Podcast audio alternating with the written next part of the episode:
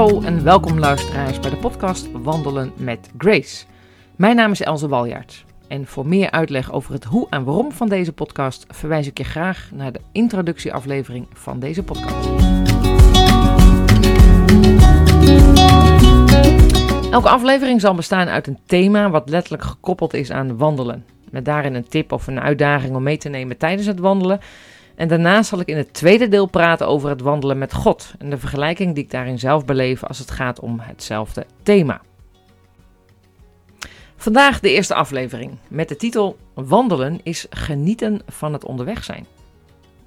Er is een definitie van het woord lopen. Dat is namelijk gaan van A naar B. Bijvoorbeeld ik loop naar de supermarkt of ik loop naar mijn werk.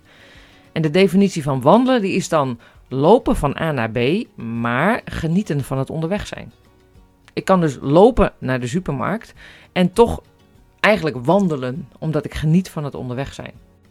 Het heeft dus net een iets andere insteek dan gewoon ergens heel doelgericht naartoe lopen. Het is alsof je tijdens het lopen misschien iets vertraagt of je meer bewust bent van het lopen. Je bent eigenlijk meer bewust van de omgeving. Je kunt natuurlijk ook op tempo wandelen. En dan is je insteek misschien wel om je conditie op te bouwen of te trainen voor de vierdaagse. Maar dan nog is het de uitdaging om te genieten van het onderweg zijn. In deze tijden van corona en maatregelen en beperkingen kunnen we best wel stress ervaren. Of we zijn wat luier geworden door het vele binnenzitten. Of we voelen ons beperkt door weinig sociale contacten. Als er één vrijheid is die we in deze tijd wel hebben, is het dat we kunnen en mogen wandelen.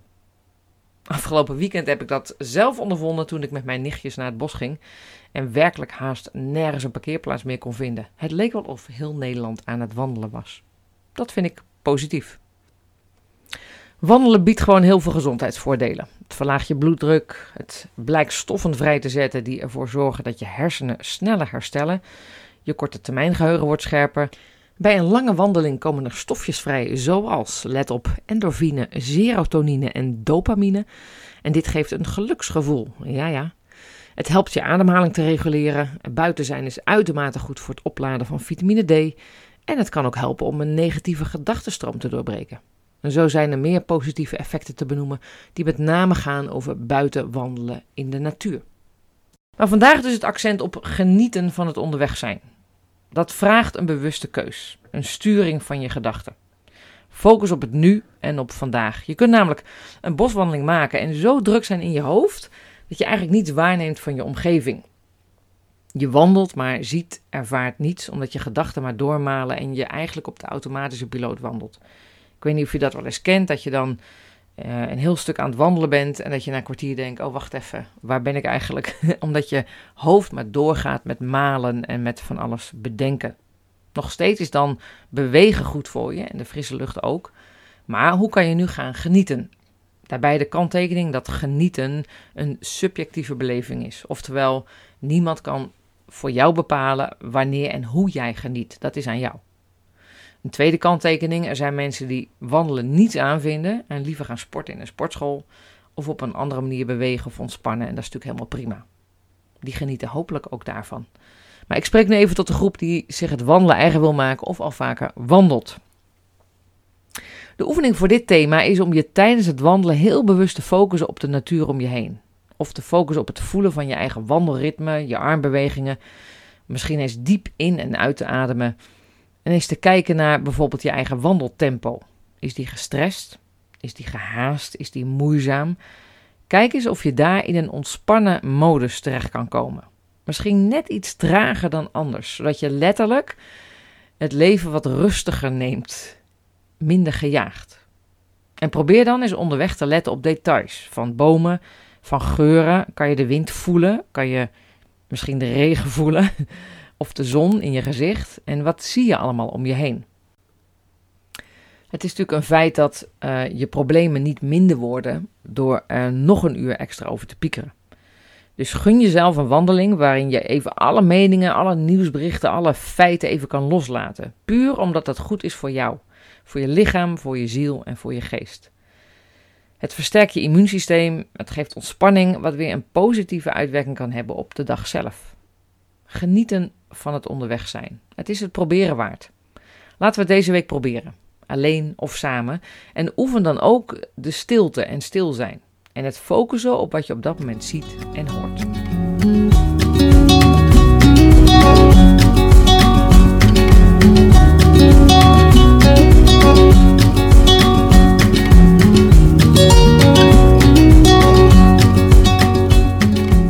Het tweede deel, wandelen met God, is genieten van het onderweg zijn.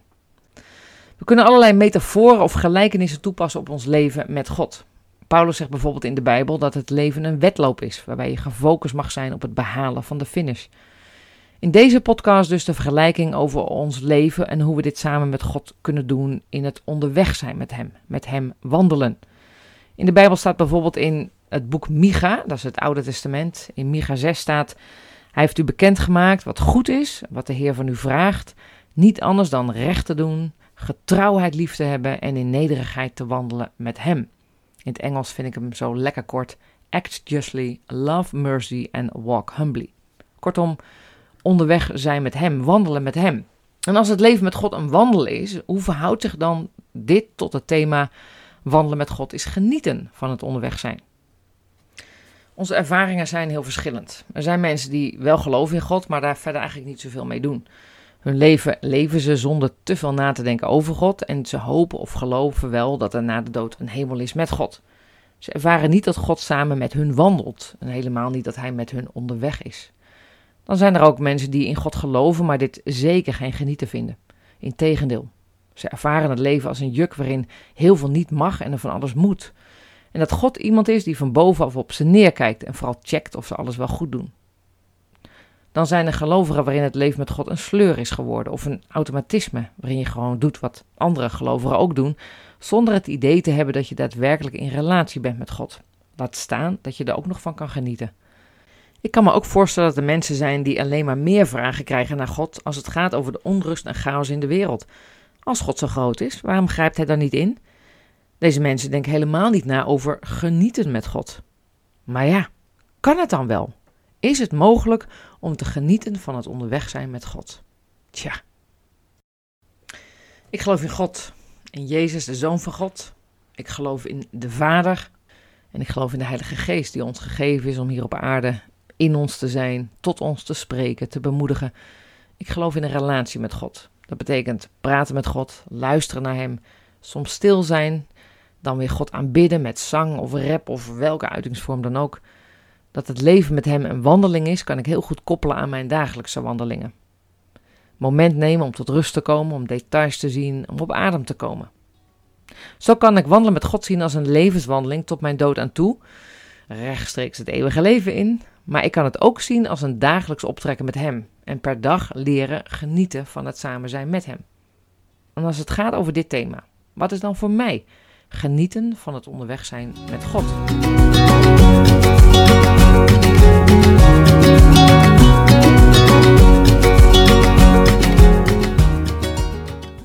Ja, voor mij betekent genieten niet dat ik elke dag gelukkig moet zijn. Of dat elke dag leuk moet zijn.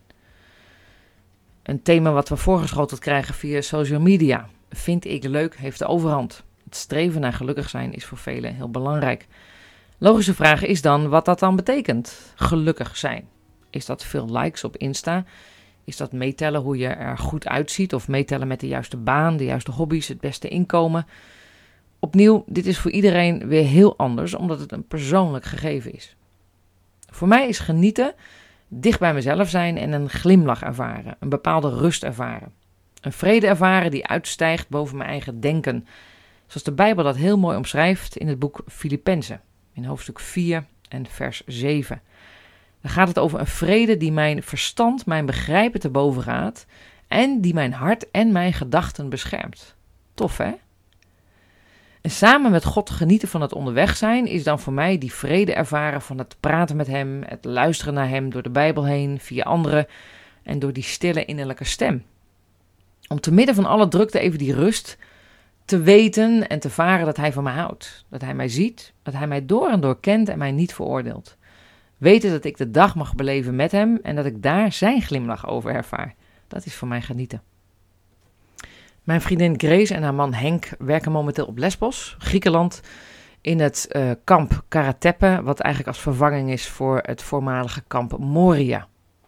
Ze hebben de brand meegemaakt in september, de opbouw van het nieuwe kamp, de bittere nood onder de mensen om überhaupt eten te krijgen, de storm en regen die tentenkamp onder water zet, en momenteel het gebrek aan toilet, het gemis aan douches.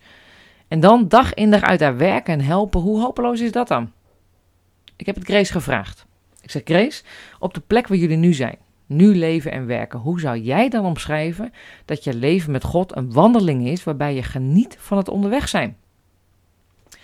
Die vraag zal er ook zijn voor sommigen onder ons die ziekte en verdriet meemaken. Die hun baan zijn kwijtgeraakt of misschien ruzie hebben met familieleden. Of sommigen onder ons die in bittere armoede leven of eenzaam zijn. Hoe kan je dan spreken van genieten? Grace gaf als antwoord. Henk en ik ervaren dat we op het juiste moment op de juiste plek zijn namens God. En te midden van alle chaos en ellende hier geeft dat ons vrede.